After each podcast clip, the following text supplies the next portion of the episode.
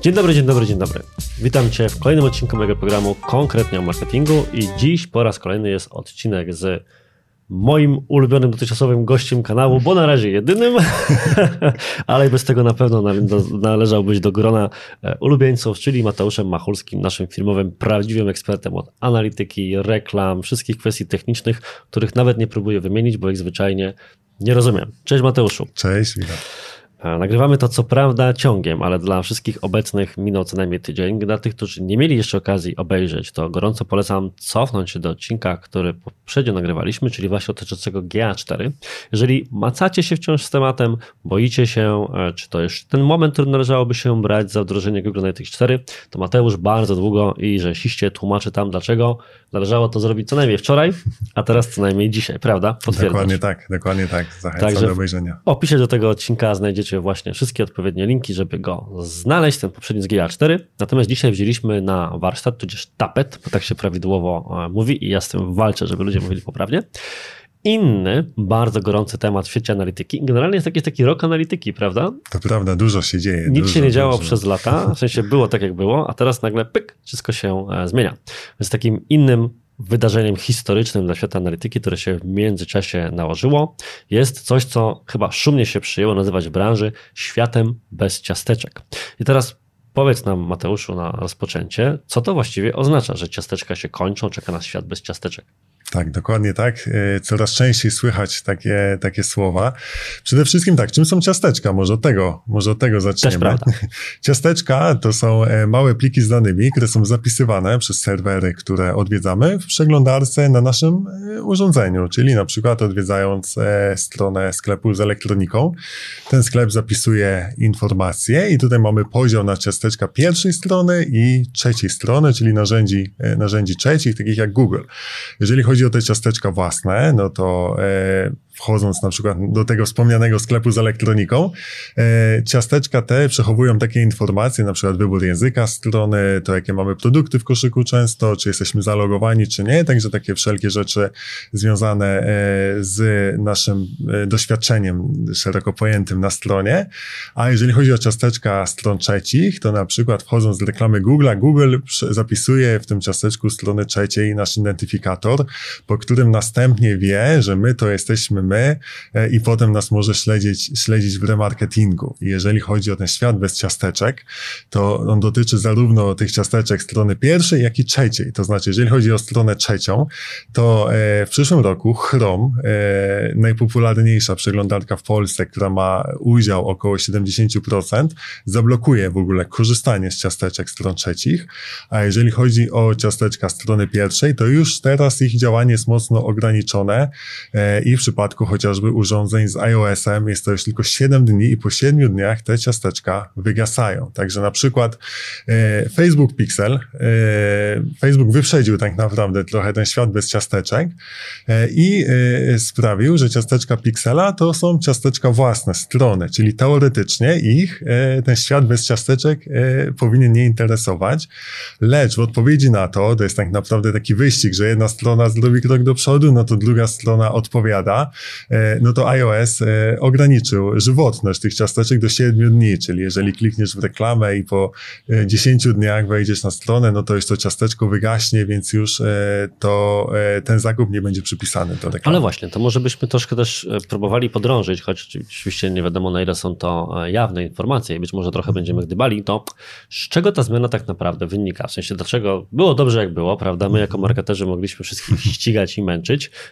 natomiast nie wiem, jakie korzyści były z perspektywy odbiorcy. No, widział dopasowane reklamy, prawda? Tak się to zwykło, zwykło tłumaczyć. Po co to zmieniać, skoro było dobrze? Co się stało, że ta zmiana w ogóle się dzieje? Tak, no na pewno e, zwiększa się świadomość odnośnie ochrony użytkowników, ponieważ no do tej pory e, były przepisy i one oczywiście funkcjonują, takie jak chociażby najbardziej e, znane RODO, ale generalnie często mimo wszystko te przepisy w wielu przypadkach nie były, nie były przestrzegane. No i ten remarketing, no trochę był tak, trochę go było za dużo tak naprawdę i gdzieś, i gdzieś związku z tym nastąpiły zmiany, które są związane z tym, że śledzenie tego użytkownika no już nie może być aż tak łatwe, więc e, ta aktywność użytkownika, ponieważ wchodząc na przykład teraz na e, jedną z popularnych stron e, związanych z rezerwowaniem noclegów, potem wszędzie ci śledzą informacje na temat tego, gdzie planujesz wyjazd. No i takie informacje generalnie, pomijając kwestie reklamowe i to, że wszędzie cię te informacje śledzą i że ktoś może podejrzeć, że planujesz jakąś podróż w jakieś miejsce, no to też mogą być cennym źródłem informacji do na przykład internetowych, ponieważ ktoś cię może szantażować, zdobywając informacje na bazie tego, co przeglądasz, e, co planujesz i e, wyciągnąć od ciebie. Czyli wątek czysto reklamowy, więc taki z perspektywy, której e, patrzeć będą marketerzy, czy przedsiębiorcy, czy działy sprzedaży, myśląc o tej zmianie, jest zaledwie jednym z elementów, który sprawia, że ona tak naprawdę wchodzi w życie. Tak. Tak, generalnie po prostu y, aktywność użytkowników w internecie będzie bardziej chroniona. Y, pod wieloma względami wiąże się to też z bardziej ograniczonymi możliwościami kierowania reklam w Google Ads, y, ponieważ tak naprawdę grupy niestandardowe, które teraz możemy tworzyć, które są jednym z najskuteczniejszych sposobów kierowania reklam, jak one działają. Y, dwa słowa, działają one w taki sposób, że możemy kierować reklamę do użytkownika, który odwiedza na przykład strony naszej konkurencji. Y, bardzo E, dobry sposób w takim przypadku możemy e, wybrać grupę odbiorców, e, ponieważ no, osoby, które są zainteresowane naszą konkurencją, prawdopodobnie będą też zainteresowane naszymi produktami. W przypadku tych zmian, które zachodzą, no takie grupy już niestety nie będą możliwe do stworzenia. Google oczywiście stworzył alternatywę. Tą alternatywą jest Google Topics, no ale te możliwości są o wiele gorsze. Tak, no i do tego za chwilę też przejdziemy. Natomiast właśnie z wszystkiego tego, co powiedziałeś i sposób też, w jaki też powiedziałeś, mógłby nas doprowadzić do wniosku, e, czy kogoś po drugiej stronie tych naszych pięknych kamer tutaj, że w takim razie nie będzie remarketingu w ogóle. Czy to jest prawda? Ten remarketing będzie, ale on będzie ograniczony, ponieważ e, po pierwsze, no nie będzie takiego w cudzysłowie remarketingu, który nie jest dosłownie remarketingiem właśnie ze strony konkurencji, czyli tych grup niestandardowych. Nie będziemy mogli tak precyzyjnie kierować naszych reklam. A poza tym Google e, tworzy tak zwane rozwiązanie Google Fledge. E, jest to rozwiązanie, które zastąpi e, niejako remarketing i e, w których jak gdyby tak zwane zwanych ramkach będą wyświetlały się reklamy remarketingowe, ale nie będą one mogły wchodzić w interakcję z otoczeniem strony. Generalnie jest to nadal rozwijane, zostało to ogłoszone na początku tego roku e, i nadal na szczegóły bardziej techniczne e, czekamy. Także sam remarketing będzie, ale generalnie też będzie on coraz bardziej trudniejszy i coraz więcej trzeba będzie też zwrócić uwagę na to, czy użytkownik faktycznie wyraża zgodę na ten remarketing, ponieważ e, wiele stron nie zbiera na przykład zgody od użytkownika na to, aby, aby go śledzić, chociażby przez takie narzędzie Google Analytics, czy prowadzić remarketing. Ale właśnie, powiedziałeś, że to jest taki wyścig zbrojeń między tymi, którzy wprowadzają pewne e, zmiany, które zmuszają systemy reklamowe, bo przecież to nie jest tylko Facebook i Google, mm -hmm. tak? Mhm. Też trzymamy TikToka, Pinteresta, całą, wszystkie ekosystemy reklamowe podpadają pod to samo. E, ci to wdrażają, zmieniają i następnie kolejni, kolejni przygotowują na to kontr rozwiązanie, więc de facto, skoro znika taki sposób działania w oparciu o te cookies e, first party, third party, tak, czyli te pierwszej strony, trzeciej strony, to jakie są wymagane kroki, żeby zachować możliwości, które mamy teraz? Okej, okay, tych rozwiązań, tych kroków jest bardzo dużo, ponieważ dużo się dzieje w tej analityce w świecie marketingu internetowego i ten rok jest wyjątkowo, e, wyjątkowo wymagający tak naprawdę, jeżeli chodzi o wdrożenie poszczególnych narzędzi. Pierwszym takim narzędziem, który powinniśmy wdrożyć jak najszybciej, do czego e, myślę, że przekonałem w poprzednim filmie, jest Google Analytics wersji 4. E, jest to narzędzie, które w wielu przypadkach odpowiada tak naprawdę na po pierwsze świat bez ciasteczek, a poza tym na ochronę e, danych, na ochronę prywatności, bo chociażby e, wiele rzeczy, takich jak na przykład anonimizacja adresów IP, jest już standardowo aktywna na wszystkich kontach Google Analytics 4, więc ta ochrona użytkownika jest bardziej, jest bardziej przestrzegana i chroniona. Mhm. Drugim takim narzędziem, e, opcją, która jest do wdrożenia, jest to tryb zgody Google'a. Jest to również jedno z nowszych rozwiązań i polega ono na tym, że użytkownik, który wchodzi na naszą stronę, powinien mieć możliwość wyrażenia lub niewyrażenia zgody na korzystanie z ciasteczek w celach analitycznych i marketingowych. Czyli to ci pozwolę wejść słowo, bo teraz przeważnie to wygląda w ten sposób i myślę, że do tego się to odnosi, że ja sobie wchodzę na stronę i mam tam mniej lub bardziej humorystyczny komunikat typu ta strona zbiera. Ciastka, hehe, kliknij OK mhm. i to jest de facto nieprawidłowy sposób działania. Zdecydowanie tak. Zdecydowanie to jest nieprawidłowy, chyba, że nie korzystamy z takich narzędzi jak Google Analytics, Google Ads, Facebook Ads, nie korzystamy z ciasteczek. No raczej korzystamy. Wtedy, wtedy jak najbardziej myślę, że jakiś by się znalazł e, przypadek, kiedy, kiedy jest Jasne. to OK.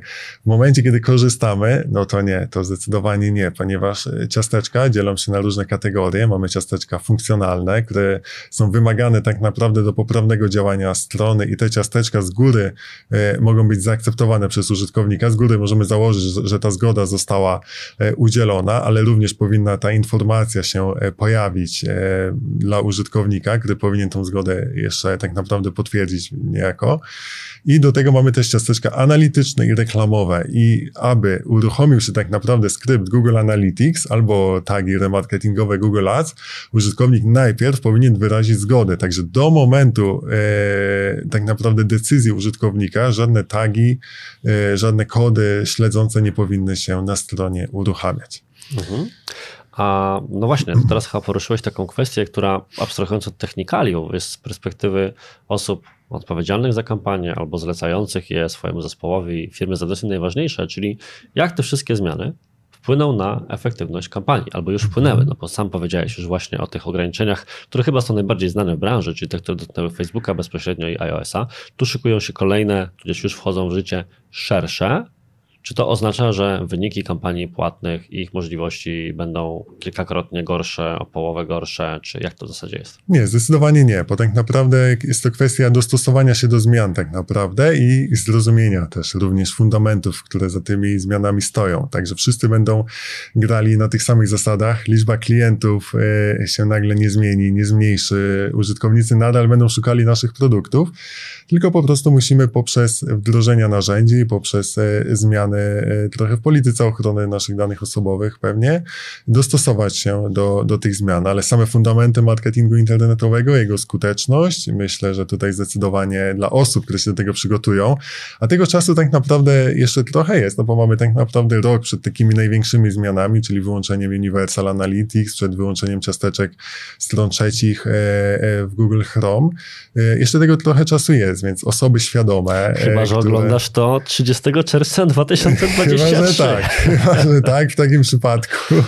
W takim przypadku, jeżeli jak to tuż przed egzaminem się szukało jakichś materiałów, to tak samo tutaj, jeżeli ktoś już... Intensywna noc się szykuje. Intensywna noc się szykuje, to, e, to faktycznie te, wtedy tego czasu jest mało, ale zakładając, że, że, że oglądasz nas jeszcze w 2022 roku, to tego czasu jeszcze, jeszcze trochę jest, ale biorąc pod uwagę też złożoność i liczbę tych narzędzi, no to trzeba już działać jak najszybciej. Ten tryb uzyskiwania zgody, jeśli jeszcze tylko e, mógłbym dokończyć, to jest też e, super narzędzie pod tym kątem, że nie mamy tego ubytku, ponieważ mówisz, jaki jest wpływ też tych danych na, na prowadzone działania.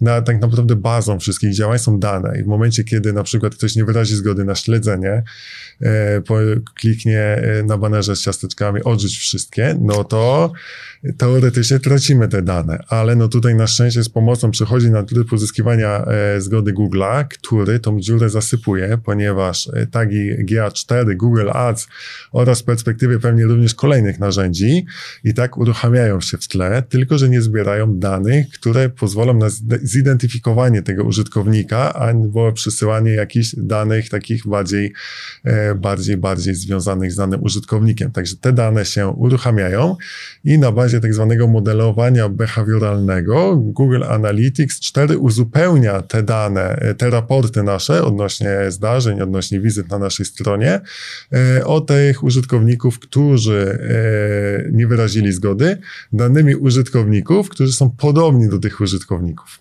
Okej, okay, czyli sytuacja wygląda mniej więcej w ten sposób. Wchodzę na stronę, ponieważ jestem niechętny śledzeniu, odrzucam wszystkie mhm. ciasteczka przy dotychczasowej metodyce działania, po prostu informacje o mojej sesji, jeszcze według starego nazewnictwa, w tym momencie nie byłyby rejestrowane, więc na przykład ja dokonałbym jakiegoś zakupu albo kilku, ale ty miałbyś wówczas rozjazd między danymi na przykład serwera, danymi sklepu i właśnie Analyticsem albo innymi systemami. Dokładnie. Ponieważ jednak działa ten tryb zgody, będzie to wyglądało w ten sposób, że te dane się pojawią, tylko na przykład ja nie będę śledzony w dłuższej perspektywie jako moja ścieżka konwersji i lub ewentualnie to będzie uzupełnione poprzez modelowanie, mhm. że zachowuje się podobnie jak typowy łowca promocji, tak. na przykład wchodzący w co drugi czwartek na nowe dropy, zrzuty czy okresowe wyprzedaże. Czy Dobrze to sparafrazowałem, tak próbuję jeszcze, wiesz, żeby Dokładnie ten komunikat tak. na kilka sposobów wybrzmiał. Dokładnie tak, bardzo dobrze to sparafrazowałeś, a dodatkowo jeszcze e, w maju 2022 roku Google przesłał informację, że strony, które nie będą miały e, wdrożonego tego trybu zgody Google'a, nie będą mogły korzystać z tagu konwersji oraz z działań remarketingowych, więc to jest coś, co naprawdę trzeba wdrożyć niemalże natychmiast na kontach, jeżeli prowadzimy też działania Google A jak to maile z Google'a? Można pominąć, zakładając, dokładnie. że jest to kolejna akceptacja albo jakaś, jakiś inny biuletyn informacyjny, więc sprawdźcie dokładnie, co macie napisane w ostatnich mailach z Google'a. Na szczęście jeszcze Google też powiedział, że nie będzie od razu zawieszać te konta, tylko będzie dawał 7 dni na wdrożenie tych zmian od ostrzeżenia, ale tego maila też można łatwo pominąć, może być długi weekend, może być no, urlop. może być urlop, może być inne rzeczy, wiadomo dokładnie. jak to jest. Także no, trzeba się na pewno tego, e, tego przygotować. Ale to jest narzędzie Google'owe. Natomiast co na przykład z innymi narzędziami? Myślę, że drugim systemem, którym się najbardziej ludzie przeważnie przejmują, no bo to są te dwa systemy, w których większość ludzi operuje, to ekosystem Facebooka, Instagrama, Meta, szeroko pojęte. Więc co na to Meta? Tak, Meta również czuwa, również działa i odpowiedzią również na zmiany, które się dzieją, jest API konwersji Facebooka. I w tym momencie przechodzimy e, do świata e, rozwiązań serwerowych. Które, to brzmi groźnie. Tak, to brzmi groźnie i generalnie na pierwszy rzut oka faktycznie może trochę przerażać, ale po zgłębieniu się temat, no każdy, kto działa w internecie na trochę większą skalę, będzie musiał się wgłębić ten temat w perspektywie roku, e, ponieważ jest to również przyszłość analityki. Ale mówisz, że brzmi groźnie? ale groźne nie jest, więc tak jest, zrobić? Tak jest, jak to każdy temat po rozpracowaniu i po bliższym poznaniu. E, czym jest w ogóle rozwiązanie serwerowe? W tym momencie, kiedy wejdę na przykład na Twoją stronę internetową i nie masz rozwiązania serwerowego, a swoją drogą masz, ponieważ już je, już je wdrożyliśmy testując, e, wszystkie skrypty śledzące Facebooka, Google Analytics, Google Ads uruchamiają się w przeglądarce użytkownika, co dodatkowo też obciąża e, jego łącze internetowe, obciąża stronę, więc ona się dłużej ładuje e, i powoduje, że te wszystkie skrypty mogą być na przykład zablokowane przez adblockera, którego na przykład zainstalowałeś. W przypadku rozwiązania serwerowego mamy do czynienia z czymś takim, że tworzysz serwer w chmurze, e, nazywasz go na przykład e, dane.arturjabłoński.com, czyli jest to serwer w twojej domenie i poprzez właśnie Google Tag Managera tradycyjnego przesyłasz te informacje do chmury, na swój serwer w chmurze, więc w przeglądarce użytkownika uruchamia się tylko jeden tak zdarzenia zamiast na przykład pięciu, bo ktoś na przykład jeszcze ma TikToka, Facebooka, LinkedIna, Google'a i Google Ads, uruchamia się tylko jeden, który zostaje wysłany do e, rozwiązania serwerowego i z tego rozwiązania serwerowego i zupełnie poza e, przeglądarką użytkownika te dane są obrabiane i wysyłane do różnych narzędzi. No i teraz pozostaje pytanie, które się samo nasuwa. Po co? No właśnie, tak mówię, to Sam sobie zadam. Dlaczego to legalne, a po drugie, dlaczego tak należy w ogóle robić. Zobacz, w zasadzie możemy się tak zamieniać miejscami. Możesz wchodzić na chwilę, zadać pytanie jednym głosem, potem wrócić sobie odpowiedzieć. Dokładnie, tak. Zadaję sobie pytanie, odpowiadając na swoje pytanie. Ja takich gości kocham. Człowiek, który potrafi zbudować narrację jeszcze właśnie rozumie, gdzie ewentualnie pojawia się przestrzeń na pytanie, jest bardzo wygodnym gościem. Wracając do mojego pytania to mamy, e, plusów jest wiele. Pierwszym plusem jest to, w sumie co już powiedziałem, e, tłumacząc to rozwiązanie, czyli to, że przyspieszamy naszą stronę, a przyspieszenie tak naprawdę naszej strony znacznie zwiększa konwersję, więc e, dzięki temu, dzięki temu strona się szybciej ładuje, użytkownicy są bardziej zadowoleni, nie irytuje ich dłużej, dłużej ładujący się ekran, dzięki czemu chętnie dokonują zakupów na naszej stronie. Ale druga sprawa i najważniejsza jest to, że mamy pełną kontrolę nad naszymi danymi, to znaczy znaczy z naszego rozwiązania serwerowego, wysyłamy te dane do poszczególnych narzędzi e, i to my decydujemy, co wysyłamy, ponieważ wysyłamy to, co chcemy do Google Analytics, to, co chcemy do Facebooka, więc dbamy o dane naszych użytkowników. Na przykład czasami zdarza się tak, że w zapytaniu do Google Analytics ktoś na przykład wysyłał adres e-mail, ponieważ e, był on w zapytaniu po jakimś wysłaniu jakiegoś formularza. Tutaj takiej sytuacji mieć miejsca nie będzie, jeżeli to sprawdzimy. Kolejnym atutem jest to, że możemy wzbogacić nasze dane. A to tylko wyjdę słowa, bo to jest myślę ważny, ważny wątek właśnie do zrozumienia tego, co powiedziałeś po co. Czyli de facto w tym momencie ten nasz serwer wystawiony pod konkretnym adresem zbiera dane najpierw, zanim zbiorą to te zewnętrzne narzędzia. I dzięki temu jesteśmy w stanie dochować wszystkich prawnych procedur, wymagań, nie wdając się szczegóły, mhm. które są potrzebne. I Nadal możemy przesyłać informacje typu zakupy, ich wartości, kto kupił, mhm. jeżeli będzie to oczywiście odpowiednio obrane polityką prywatności, do Facebooka, do Google'a, do Analyticsa i tak dalej, więc korzystać ze wszystkich rozwiązań typu remarketing, mhm. analityka i tym podobne, ale w razie co, jesteśmy w stanie nie przesłać więcej, Dokładnie. niż te narzędzia potencjalnie mogłyby od nas sięgnąć, żeby nie wykorzystywały tego później e, w sposób niekomfortowy dla użytkowników, na który właśnie wszystkie systemy prawne nie wyrażają e, zgody. Więc tak się tylko upewniam, że dobrze zrozumiałem. Dokładnie tak, dokładnie Wiesz, tak. Skoro ale... zadajesz sobie sam pytania, to przynajmniej próbuję się włączyć w taki sposób. dokładnie tak, ale to nie dotyczy tylko tak naprawdę ograniczenia danych, bo można też się wzmocnić. A, można właśnie. też się wzmocnić. E, w odcinku o GA4 e, wspominałem o tym. Który polecamy. Dokładnie tak. Wspominałem o tym, że do każdego ze zdarzeń możemy dodać parametry zdarzenia, których jest, e, które tak naprawdę nie są z góry narzucone. Część jest, część jest zalecanych, ale, ale część możemy sobie dowolnie wzmocnić. I na przykład, jeżeli mamy nasz e, CRM, czyli, czyli jakiś program do zarządzania relacjami z klientami, możemy tam mieć jakieś dane, które warto na przykład też przesłać do Google Analytics, co pozwoli nam wzmocnić analizę. Na przykład na temat e, informacji, e, ile, tych, ile ten dany klient dokonał zakupów stacjonarnie. Również takie dane możemy, możemy przekazać. Okay. tak jak na przykład e, działają niekiedy systemy typu na przykład reklama LinkedIn mhm. jest bardzo dobrze połączona za pomocą integracji z Salesforce'em mhm. i potrafi właśnie łączyć informacje z tego systemu do optymalizowania i działania reklam na LinkedInie, to z tego, co mówisz, wynika, że teraz właśnie poprzez wdrożenie tych mhm. rozwiązań server-side jesteś w stanie tego typu informacje jeszcze wykorzystać również mhm. do kierowania w innych systemach niż tylko tych, do których system jest na przykład już dobrze przygotowany na podstawie jakichś integratorów. Dokładnie tak, dokładnie tak. Czyli zmiana, która wiele osób przeraża, bo wydaje się taka właśnie wymagająca jakichś technikaliów, dziwnych rzeczy, e, jest warta przeprowadzenia, bo w rezultacie pozwala na więcej, mimo że większość ludzi chyba uważa, że będzie mniej. Bo gdyby tak wiesz, ty miał podsumować swoje doświadczenie, ja jako szkoleniowiec czy konsultant często na spotkaniach muszę odpowiadać na pytania o rzeczy, o których właśnie rozmawiamy, to mam wrażenie, że takie założenie w przyrodzie jest takie, że właśnie teraz zbieranie danych po stronie serwera to jest coś gorszego, że tego mhm. będzie mniej. A ty mówisz, i chciałbym, żeby to być może wybrzmiało, mhm. jeżeli taka jest prawda, że właśnie to jest lepiej niż było. Tak, jeżeli chodzi o samo rozwiązanie serwerowe, to jak najbardziej. Co prawda są też wady tego, do o, to dawaj. to nie jest tak. Jeszcze ostatnią, jeżeli zaletę jeszcze ostatnią no, nie będzie. dodam, to znaczy ciasteczka. E, tak jak wspominałem, ciasteczka, e, na przykład jeżeli odwiedzamy e, Google Analytics, to Google Analytics zapisuje w odpowiedzi serwer Google Analytics zapisuje w naszym urządzeniu E, ciasteczko.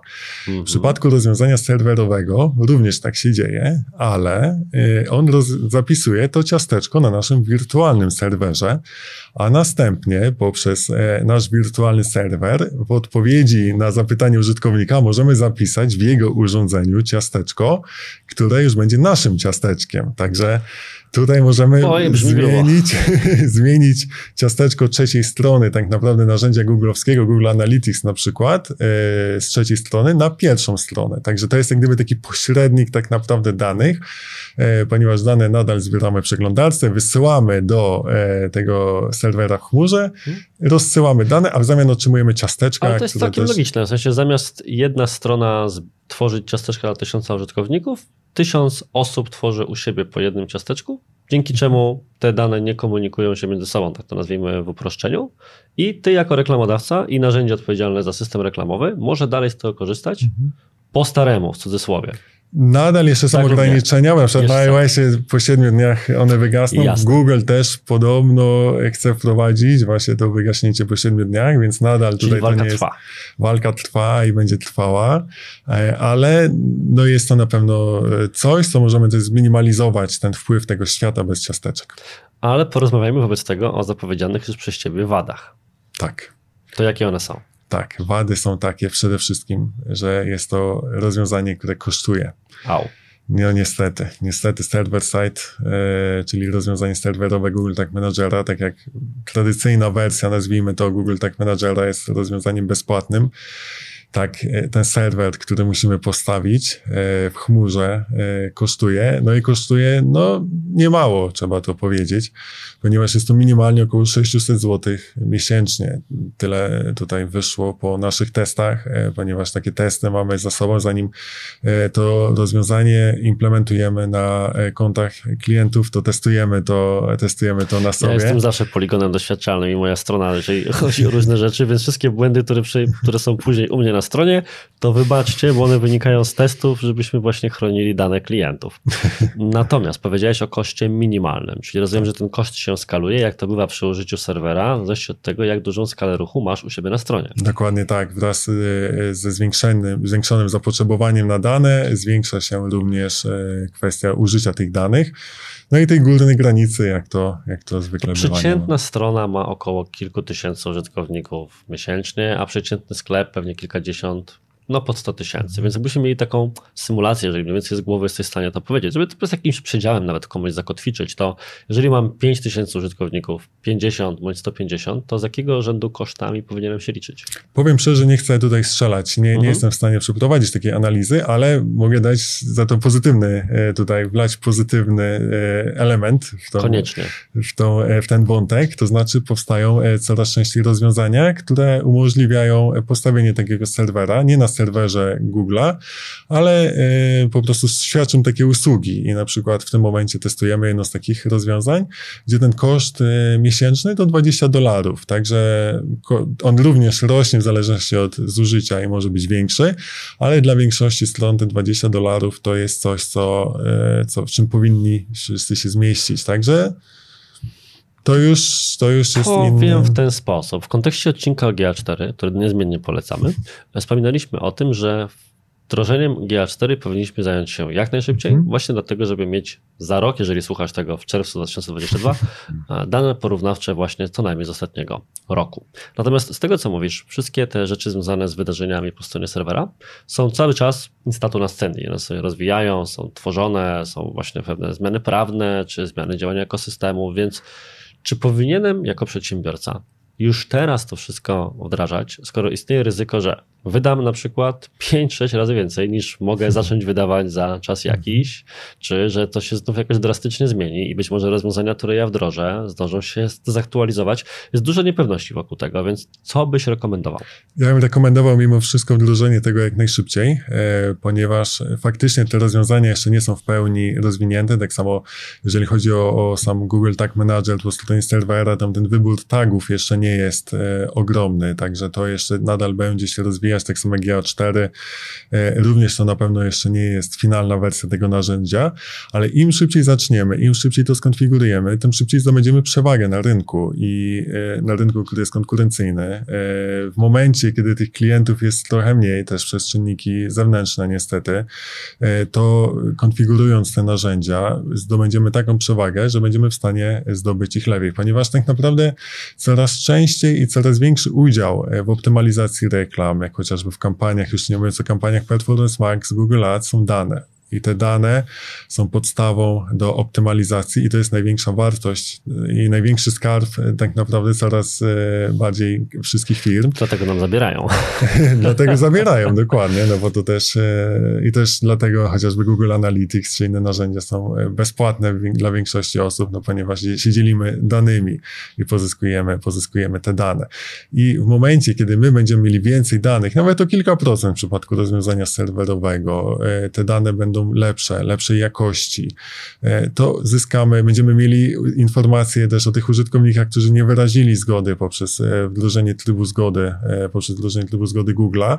Dzięki temu będziemy mieli dużą przewagę konkurencyjną, bo prędzej czy później te rozwiązania sięgną wszystkich, jeżeli chcą działać skutecznie w internecie, a my będziemy krok przed nimi. Czyli mimo niepewności warto, jest że eksperymentować, bo to zabrzmiałoby źle, ale no już teraz mocować się, może to jest lepsze słowo, z tymi wszystkimi problemami, które pojawiają się po drodze, bo na koniec dnia dzięki temu uszczkniemy więcej z tortu złożonego z danych, bardzo skomplikowana analogia, i będziemy w stanie lepiej optymalizować swoje reklamy. I nie tylko. Ale wspomniałeś też, że tych wad jest potencjalnie więcej, więc czy jest coś jeszcze, o czym powinniśmy wiedzieć? Na pewno kwestia konfiguracji, e, ponieważ tak jak Google Tag Manager już dla wielu osób był e, trochę skomplikowany, tak rozwiązanie serwerowe jest jeszcze bardziej skomplikowane. E, konfiguracja serwera, kwestia postawienia, same instancje, które tam są, no nie każda osoba sobie z tym poradzi, więc to na pewno koszty związane nie tylko z utrzymaniem, ale również z taką bieżącą obsługą, konfiguracją tego rozwiązania, no na pewno pewno są, na pewno są większe, więc to niestety jest druga, druga wada. Jak która... to mówią, lepsze jutro było wczoraj. Ale żeby tak nie brzmiało to negatywnie, oczywiście to jest rzecz, którą warto, warto zrobić. Natomiast w odpowiedzi na ten nasz punkt wyjścia, czyli co się stanie, kiedy już będzie świat bez ciasteczek, powiedzieliśmy sobie już o trybie uzyskiwania mhm. zgody oraz e, server-side events, czyli zdarzeniach po stronie serwera, jako dwóch różnych, ale uzupełniających się metodach na rozwiązanie tego, w cudzysłowie, problemu, czy tych wyzwań, jak to mówią w Warszawie. E, to, ale wspomniałeś jeszcze wcześniej o innych rzeczach, takich jak na przykład Google Topics i tak dalej. Czy to, te rzeczy również się w jakiś sposób tym wiążą? Więc poza server-side i poza trybem uzyskiwania zgody, czym jeszcze powinniśmy się najszybciej na przykład zająć. Tak, na pewno czymś, co powinniśmy najszybciej, co już o czym wspomnieliśmy, ale przyszliśmy na e, Google Tag Managera, to jest API konwersji Facebooka. E, to, o czym e, wspominałem, że firma Meta się już przygotowała i jeżeli chodzi o API konwersji Facebooka, jest to tak naprawdę pixel Facebooka, który działa po stronie serwera. Więc tak samo jak te atuty, o których rozmawialiśmy w przypadku GTMA po stronie serwera, to samo dotyczy Facebook Pixela, czyli mniejsze, mniejsza podatność na e, adblockery, większa e, wiarygodność tych danych, po prostu one są lepszej jakości, one są wysyłane bezpośrednio z serwera, a nie z przeglądarki użytkownika, gdzie te dane mogą być po prostu zakłócone. E, także optymalnym rozwiązaniem byłoby wdrożenie właśnie trybu uzyskiwania zgody, do tego server-side GTM, a do tego Facebook konwersję API. To jest Jasne. ten Dobrze, zestaw narzędzi. Uzupełniłeś. Tak. I co poza tym? Co poza, poza tą trójcą? Poza tą trójcą to e, kwestią, którą też Google właśnie się przygotowuje, jeżeli chodzi właśnie o świat bez ciasteczek, będzie to Google Topics. E, Google Topics jest to rozwiązanie, które również zostało ogłoszone na początku e, tego roku w ramach takiej większej akcji, nazwijmy to większego projektu związanego właśnie z ochroną danych osobowych i z Google Topics będzie to zastąpienie niejako tych grup niestandardowych. Nasze bardzo ubolewam, że już takiego kierowania niestety w Google nie będzie. Będzie to polegało na tym, że Google na bazie stron, które odwiedzamy, e, będzie przydzielał nam tematy, którymi się interesujemy. Tych tematów będzie około 350. Nie będzie tam tematów wrażliwych, tematów, które mogą w jakiś sposób tutaj zdradzić jakieś e, nieprzychylne, niefajne. Choroby. Dokładnie, dokładnie. Czegoś takiego, czegoś takiego nie będzie. Będzie 350 tematów. Nie wiadomo, jak one będą dokładne, powiem szczerze. Bo na przykład kategoria sport, no jeżeli na przykład wchodzimy na stronę sportową i na przykład chcemy sprzedać e, na przykład kije do golfa, no to uh-huh. dosyć i będziemy kierować do osoby, które wchodzą na sport.pl albo onet.pl sport, no, tak, no, no jest to dosyć... Chcesz dotrzeć do osób ćwiczących, one też interesują się sportem, ale jeżeli chodzi o sport, ja jestem wierzący niepraktykujący, czyli bardziej, bardziej oglądam i wpadałbym w tę kategorię, no mimo że no, raczej kijak do golfa czy hantelka sobie nie kupię w najbliższej przyszłości. No właśnie, także tutaj jest ten... E, tutaj jest to, to niebezpiecznie blisko na Facebooku bądź innych systemów opartych o zainteresowania. No tak naprawdę to jest to zbliżone, zbliżony mechanizm działania, jeżeli mówimy tutaj o kierowaniu reklam, więc tutaj no niestety zrobimy krok do tyłu, jeśli chodzi o ten element pozyskiwania tak zwanego zimnego ruchu, czyli ruchu osób, które nie znają jeszcze naszej marki albo nie były w ostatnim czasie na naszej stronie i chcielibyśmy, chcielibyśmy do nich, do nich dotrzeć. Czyli nie będzie już żadnej metody na analogiczną dokładność albo chociażby katalog możliwości, e, jak w kontekście dotychczasowych grup niestandardowych w zakresie Google'a. No niestety tak, niestety tutaj ta e, wiedza na temat tego, po jakich stronach użytkownicy e, chodzą, co przeglądają, zostanie mocno ograniczona w ramach tutaj ochrony prywatności. I nie ma żadnego potencjalnie pozytywnego wątku, który moglibyśmy z tym związać. Akurat w tym przypadku myślę, że myślę, że nie, ale pozytywny wątek, w sensie to, co moglibyśmy zrobić teraz jeszcze, póki jeszcze możemy, e, to to, żebyśmy analizowali nasze grupy, ponieważ e, tak jak kierujemy nasze reklamy w Google, to możemy je kierować do, do grup odbiorców jako kierowanie i jako obserwacja. I możemy dodać sobie e, takie ogólne grupy właśnie osoby zainteresowane zainteresowane X, osoby zainteresowane zainteresowaniem Y, e, abyśmy w tym momencie, kiedy faktycznie jeszcze docieramy do tej grupy bardziej, bardziej precyzyjnie, abyśmy mogli zobaczyć, e, jakie grupy, e, te bardziej ogólne z tego ramienia tej kategorii obserwacja docieramy. Więc to jest coś, co, co możemy zrobić, aby być jeszcze lepiej przygotowanym, kiedy już tam ta możliwość zostanie nam odebrana. Okej, okay, czyli jak zawsze e, szczęście sprzyja przygotowanym. Dokładnie tak. Czy jest jeszcze jakiś wątek w kontekście świata bez ciasteczek, który na koniec jako ostatni chciałbyś jeszcze dzisiaj poruszyć? Myślę, że to, co się nie zmieni, ponieważ tak naprawdę te dane, y, tak naprawdę zostaną nam ograniczone dane Google'a, ponieważ to Google wie, po jakich stronach chodzimy, y, wie, y, jak, jakie są nasze zachowania, jakie są nasze zainteresowania i biorąc pod uwagę, że te dane stron trzecich będą niejako ograniczone, to coś, co zawsze będzie cenne i coś, co zawsze u nas pozostanie, no to są nasze dane. Dlatego to, co ja bym polecał, to tworzyć takie treści, chociażby chociażby na blogu, e, w jakichś innych formach, tworzyć ciekawe materiały, aby pozyskiwać swoich e, użytkowników, tworzyć swoje bazy e, i w ten sposób kierować, kierować ten przekaz, chociażby potem przez jakieś grupy odbiorców podobnych albo inne tego typu możliwości, ale no to, co nigdy nam teoretycznie nie zostanie odebrane, to jest nasza baza odbiorców, nasi na, na osoby, które są faktycznie realnie zainteresowane naszym produktem, bo to jest ważne, żeby też nie tworzyć tworzyć jakichś sztucznych konkursów, że zostaw adres e-mail albo zostaw lajka Jasne. albo coś takiego. Chodzi o to, żeby faktycznie tworzyć wartościowe e, materiały. No a druga sprawa to tak naprawdę, no wrócę do tego, że jeżeli ktoś ogląda e, w czerwcu albo w połowie chociaż 2022 roku, to tego czasu jeszcze trochę jest, aby się przygotować, aby poznać te zmiany. Ważne jest to, żeby faktycznie działać w tym kierunku i trochę przedefiniować niektóre elementy wprowadzenia swojego e, marketingu internetowego. Ale to, co powiedziałeś, bardzo mocno spina się e, z moją filozofią i cieszę się, że to powiedziałeś, bo zazwyczaj na szkoleniach, warsztatach, konsultacjach mówię klientom, że jesteś tym, co klikasz. Stąd najlepszą metodą kierowania czy poszukiwania ciebie jako grupy odbiorców jest treści, których wyszukujesz, więc marketing przyszłości, w tym również przyszłości pociasteczkowej, jeszcze bardziej staje się content marketingiem niż do tej pory, co mnie osobiście bardzo cieszy, bo ja głęboko wierzę, że tak właśnie powinien marketing jako taki wyglądać. Więc Mateuszu, bardzo Ci dziękuję za te wszystkie dziękuję. odpowiedzi. Cieszę się, że dałeś radę opowiedzieć o rzeczach technicznych w nietechniczny sposób. Dziękuję również wszystkim gościom naszym po drugiej stronie. Jak to mówią, moim Państwa gościem był Mateusz Machulski.